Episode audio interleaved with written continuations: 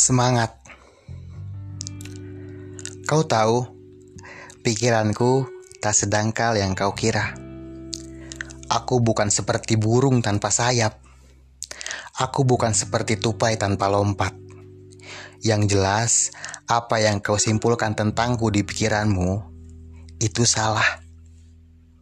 Inginku terlalu besar jika kuukir pada seluruh bumi.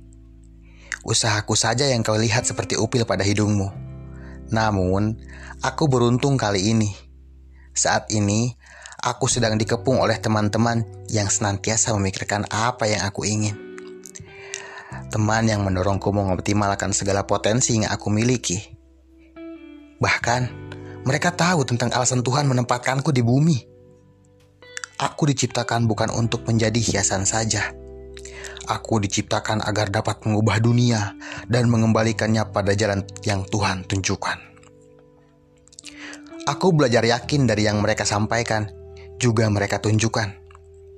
Yakin tentang apa yang menjadi inginku akan berbuah manis. Yakin tentang apa yang Tuhan titipkan padaku adalah sesuatu yang tepat.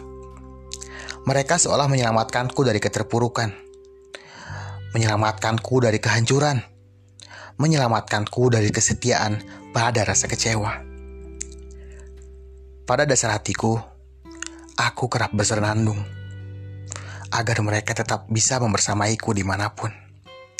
Agar mereka tetap bisa memberikan semangat pada segala potensi yang Tuhan berikan kepada aku. Terima kasih.